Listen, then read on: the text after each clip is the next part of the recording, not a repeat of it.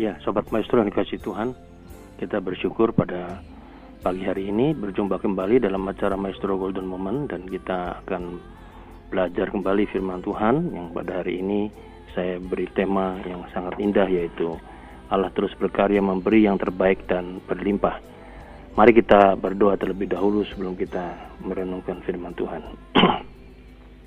Terpujilah namamu ya Tuhan oleh karena berkatmu yang berlimpah dalam hidup kami masing-masing sehingga sampai hari ini Tuhan masih memberkati kami dan kami ada sebagaimana yang kami ada. Dan kami merasakan bahwa kemuliaan Tuhan selalu hadir dalam diri kami. Apa pun pergumulan kami dan masalah kami tapi kami percaya bahwa Tuhan memberi yang terbaik dan berlimpah pada kami.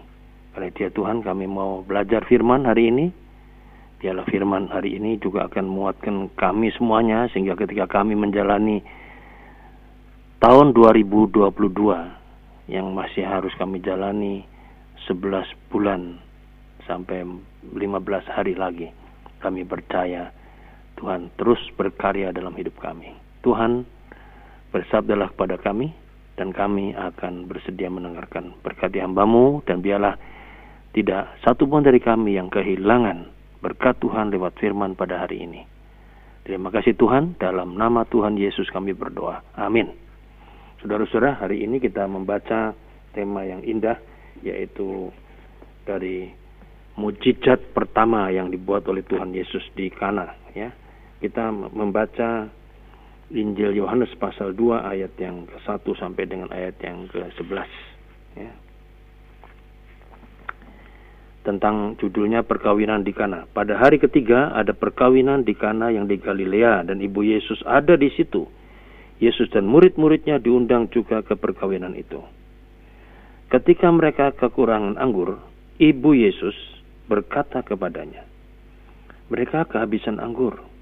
Kata Yesus kepadanya, "Mau apakah engkau daripadaku, ibu? Saatku belum tiba." Tapi ibu Yesus berkata kepada pelayan-pelayan, apa yang dikatakan kepadamu, buatlah itu. Di situ ada enam tempayan yang disediakan untuk pembasuhan menurut adat orang Yahudi. Masing-masing isinya dua tiga buyung. Yesus berkata kepada pelayan-pelayan itu, isi tempayan-tempayan itu dengan penuh dengan air. Dan mereka pun mengisinya sampai penuh Lalu kata Yesus kepada mereka, sekarang cedoklah dan bawalah kepada pemimpin pesta. Lalu mereka pun membawanya. Setelah pemimpin pesta itu mengecap air yang telah menjadi anggur itu, dan ia tidak tahu dari mana datangnya, tetapi pelayan-pelayan yang mencedok air itu mengetahuinya, ia memanggil mempelai laki-laki dan berkata kepadanya, Setiap orang menghidangkan anggur yang baik dahulu, dan sesudah orang puas minum barulah yang kurang baik. Akan tetapi engkau menyimpan anggur yang baik sampai sekarang. Hal ini, hal itu dibuat Yesus di Kana yang di Galilea sebagai yang pertama dari tanda-tandanya dan dengan itu ia telah menyatakan kemuliaannya dan murid-muridnya percaya kepadanya. Demikianlah pembacaan Injil Yohanes pasal 2 ayat 1 sampai 11 berbahagialah setiap orang yang mendengar firman Tuhan serta memeliharanya dalam hidupnya sehari-hari. Haleluya. Saudara-saudara, anggur itu merupakan unsur yang terpenting dalam perjamuan pesta di dalam budaya atau tradisi Yahudi pada zaman dulu, ya. Penggunaan anggur dalam tradisi mereka berbeda dengan penggunaannya pada zaman sekarang. Anggur mereka gunakan bukanlah anggur ber kadar alkohol tinggi yang memabukkan, cepat sekali memabukkan. Tetapi anggur itu adalah sari buah anggur yang baik, yang segar, ya, yang enak. Pada umumnya mereka menyajikan anggur dicampur dengan air. Dan apabila sari buah anggur itu disimpan lama dan mengalami fermentasi, maka komposisi campuran airnya akan lebih banyak. Jadi anggur pada zaman dulu itu merupakan unsur terpenting dalam sebuah jamuan pesta. Anggur melambangkan unsur dan pembangkit sukacita, curahan berkat dan kemakmuran. Jadi kalau kehabisan anggur itu berarti ketiadaan berkat dan hal itu pasti memalukan, ya. Sama seperti kalau dalam pesta kita, ya, kita mengundang orang pesta tapi kemudian habis makanan nah, maka pesta itu merupakan sesuatu yang kurang bagus ya ya. Dalam pesta pernikahan di perkawinan di Kana itu ternyata itu terjadi. Faktanya apa? Anggur itu habis dan kita lihat ada satu peristiwa yang menarik. Di situ ada ibu Yesus yaitu Maria yang tentu tidak ingin kerabatnya menjadi malu. Nah, maka pastilah saat itu Maria juga kebingungan dan kepada siapa dia mesti minta tolong. Maka sang ibu, ibu Maria ini bersama yang punya rumah itu dalam kebingungan itu andalan satu-satunya yang ada yaitu Yesus karena Yesus hadir pada waktu itu. Dan kemudian kita tahu tadi dia memohon kepada uh, apa namanya mohon dia memohon kepada ibu uh, Tuhan Yesus yaitu bahwa mereka kehabisan anggur. Lalu jawab Yesus apa? Dengan ini kalau zaman sekarang anak jawab seperti ini nih, orang tua pasti marah. Ya, tapi jawabannya adalah mau apakah engkau daripadaku ibu? Saatku belum tiba. Atau kalau pakai bahasa yang sederhana, sederhana, hai hai wanita, mau apakah engkau daripadaku? Belum waktunya. Ya kita bayangkan pasti kata-kata ini kita anggap kasar. Atau kita, mungkin ada yang mendengar hari saat itu mungkin mengatakan, wah anak ini kok sombong banget ya. Kira-kira begitu. Ya. Tapi kita lihat bahwa pada waktu itu jabatan wanita jabatan atau sebutan dalam konteks sosial pada waktu itu sebutan wanita itu adalah sebutan bukan sebutan yang kasar bukan sebutan yang tidak hormat, tapi sebutan untuk ibu oleh seorang anak. Ya, waktu itu ya. Nah, saudara-saudara, mau apa engkau? Nah itu, itu berarti kan sebetulnya kan kalau kita bicara pada konteks sekarang, ya bahasa atau formula bahasa ini itu seperti orang yang adu mulut. Mau apa kamu? Ah, kira-kira gitu. Ungkapan ini kurang bagus lah, ya. Dan dalam budaya bahasa budaya Semit pada waktu itu menandakan sebetulnya sebuah penolakan. Ya. Dengan demikian kita menyimpulkan bahwa Yesus menolak permintaan ibunya. Apa yang kita lakukan kalau permintaan kita ditolak oleh anak kita padahal kita tahu bahwa anak kita bisa melakukannya. Saya jamin zaman sekarang ibu pasti akan cepat marah ya pasti kalau nggak marah kecewa kalau nggak kecewa ya mungkin ngedumel tetapi saudara-saudara yang kita lihat pada cerita tadi Ibu Maria ini jauh dari kemarahan dan kecewa ia memahami perkataan anaknya bahwa saatnya memang belum sampai saatnya belum sampai untuk Tuhan Yesus menampilkan tanda-tanda ajaib di hadapan publik ya jadi Ibu Maria juga harus turut menantikan saatnya itu, nggak bisa dia maksa. Karena ini ini adalah saatnya Tuhan, bukan saatnya manusia. Tetapi ia melihat, tetapi Ibu Maria ini melihat ada sebuah peluang, yaitu pengharapan dalam jawaban sang anak. Jadi kalau belum tiba kan berarti nanti akan tiba. Kira-kira begitu, ada pengharapan. Jadi Maria, Ibu Maria yakin bahwa saatnya itu akan tiba. Oleh karena itu, dia kemudian berpesan pada para pelayan Nanti kalau apa yang dikatakan padamu, kerjakan itu, buatlah itu. Ya.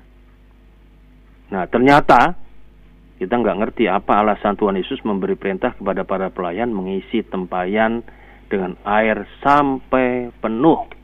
Ya. Mungkin saja para pelayan itu tidak mengerti apa yang diperintahkan Yesus, namun mereka mentaati apa yang diperintahkan oleh Maria. Setelah semua terisi, Yesus meminta para pemimpin pesta untuk mencicipinya. Dan ternyata luar biasa. Anggurnya ini anggur nomor satu. Ya, baik terus sampai akhir pesta. Ya, itulah komentar sang pemimpin pesta. Nah, saudara-saudara, kita melihat bahwa dalam kisah ini di tengah-tengah kecemasan sebuah pesta pernikahan, ternyata Yesus mampu memberikan anggur dalam kelimpahan dan para pemimpin dan pemimpin pesta juga mempelai tidak tahu asal usul anggur yang baik itu.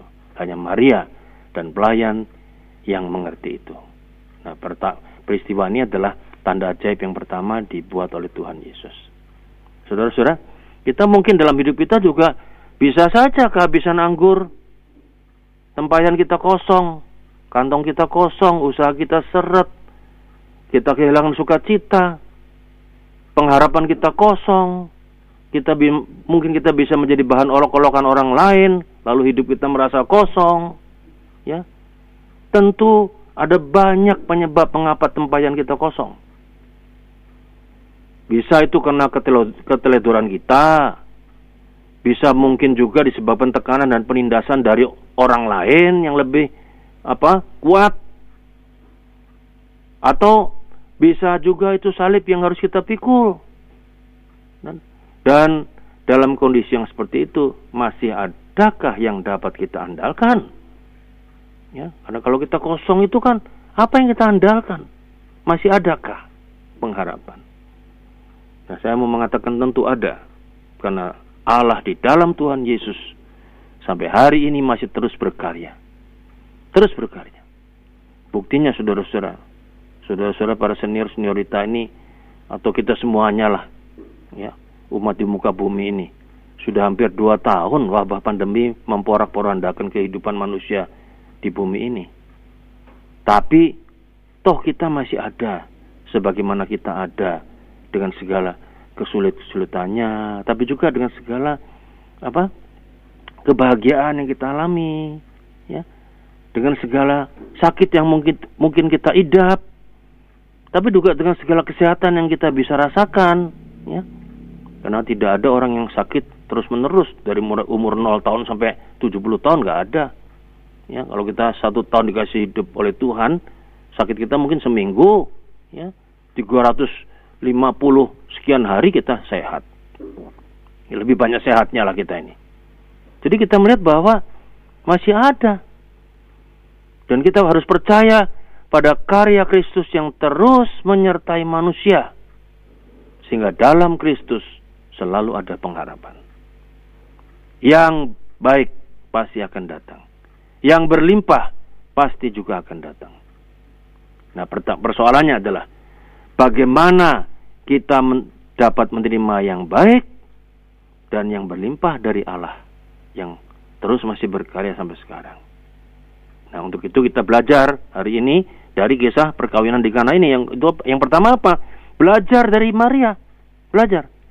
Apa yang kita belajar dari Maria? Yaitu percaya, tetap percaya dan menaruh harap pada Kristus. Maria percaya, menaruh harap pada Kristus ia mohon pada Tuhan Yesus melakukan sesuatu. Di balik permohonan dan doa, kita juga harus sadar bahwa jawaban doa itu tidak selamanya langsung terjadi. Ya, biasanya dalam keadaan bermasalah kita mengendaki pertolongan Tuhan itu datang dengan cepat, maunya hari itu juga selesai. Ya. Seperti itu tadi permintaan Maria, pengennya sih cepat tapi saatku belum tiba, kata Tuhan kan begitu. Ya. Jadi kita mengendaki cepat. Perhatian kita hanya pada diri kita sendiri. Waktu kita mengalami kesulitan tadi. Seolah-olah kita ini adalah orang yang paling bermasalah dan paling menderita. Dan Tuhan Yesus menjawab kepada Maria bahwa saatnya belum tiba. Artinya apa? Belajar dari Maria. Belajar sabar, belajar menahan diri. Belajar tidak kecewa apalagi marah pada Tuhan tetapi sebaliknya justru kita harus makin percaya bahwa Tuhan memberi pertolongan tepat pada waktunya. Tidak pernah terlambat, tapi juga tidak pernah terlalu cepat. Bisa saja jawaban Tuhan mengecewakan. Tidak sesuai dengan yang kita inginkan. Bayangkan kalau kita merasa kecewa dengan jawaban Tuhan. Ya. Bayangkan. Coba bandingkan dengan jawaban yang diterima oleh Maria.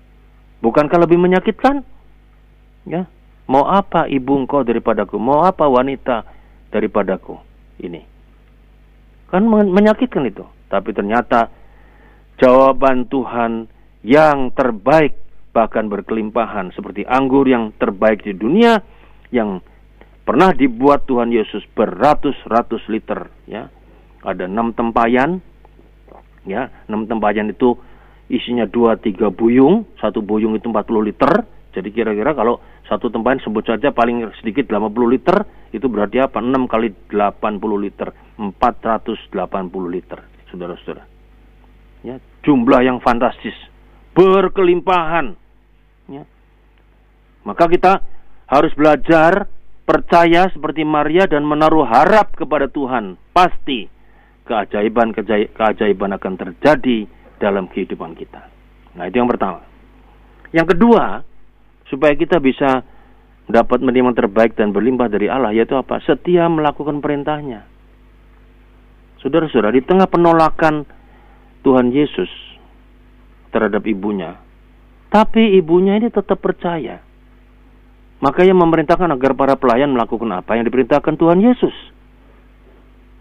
Mujizat itu sulit terwujud kalau saja para pelayan itu membantah dan tidak mau mengerjakan perintah Tuhan Yesus. Mungkin saja kita juga tidak mengerti apa yang sedang terjadi.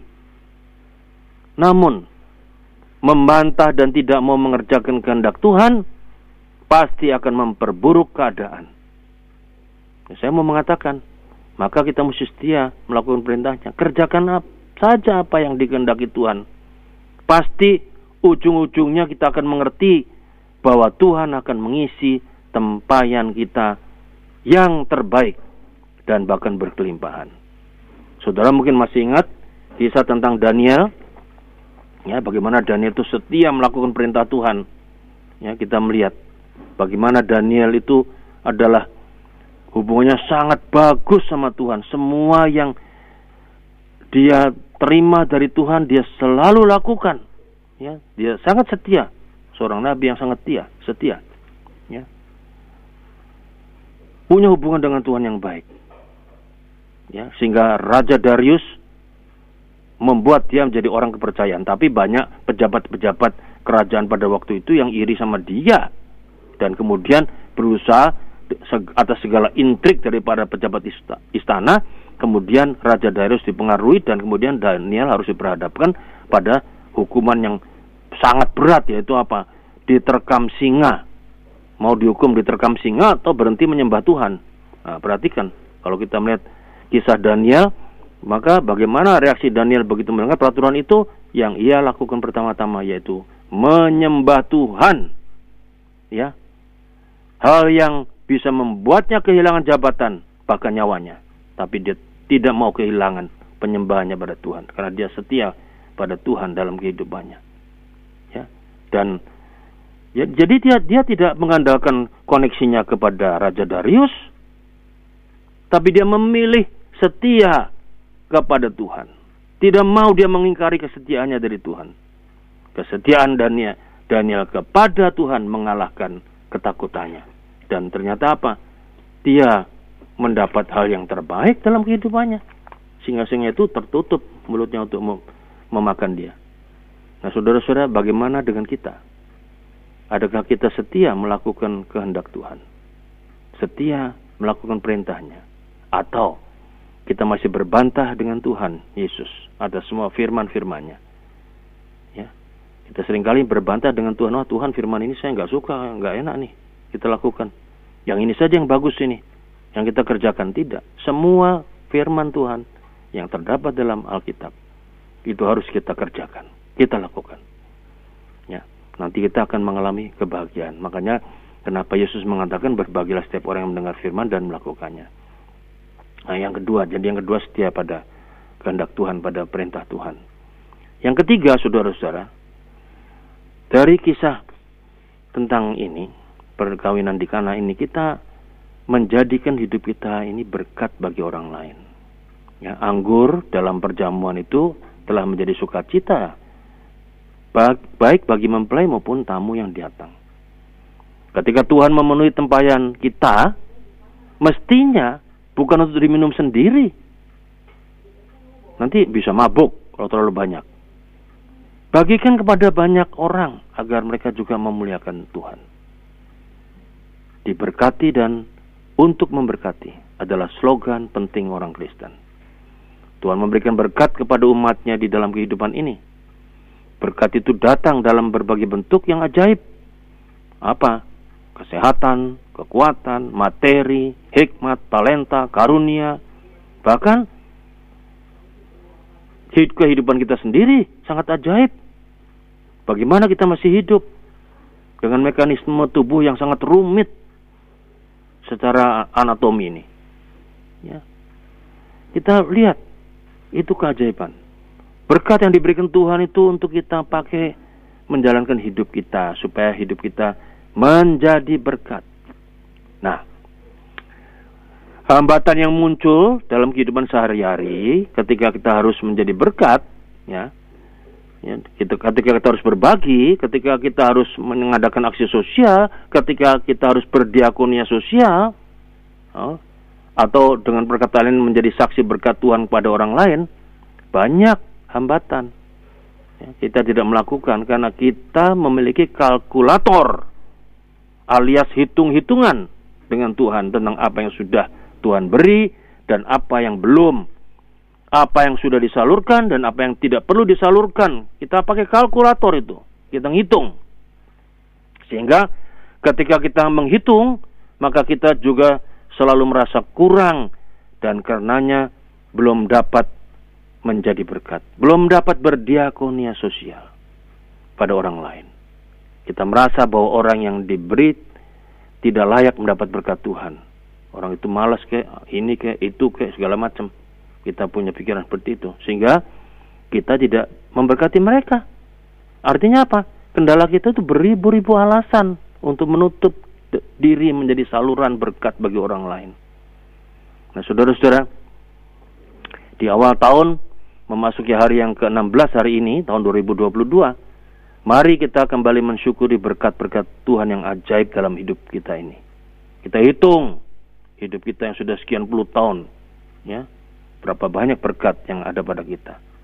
Karena Allah terus berkarya memberi yang terbaik dan berlimpah dalam hidup kita masing-masing.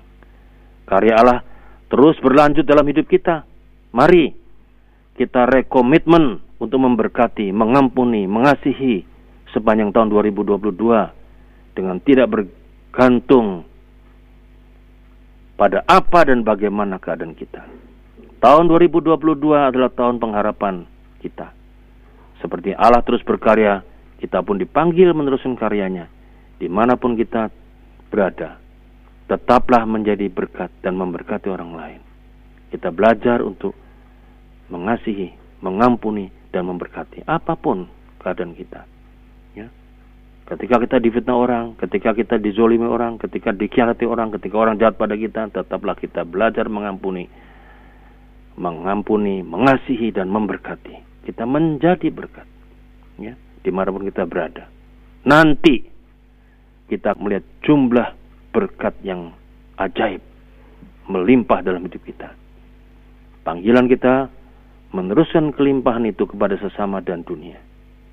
Saudara-saudara, tentu kita ingat ada lagu yang indah. Hitung berkat satu-satunya. Count your blessing. Count your blessing. Name them one by one. Hitung berkat. Coba dihitung berkatnya. Dinamai satu demi satu. Nanti saudara akan lihat betapa herannya dan ajaibnya Tuhan. Memberi pada kita yang terbaik dan berlimpah. Amin.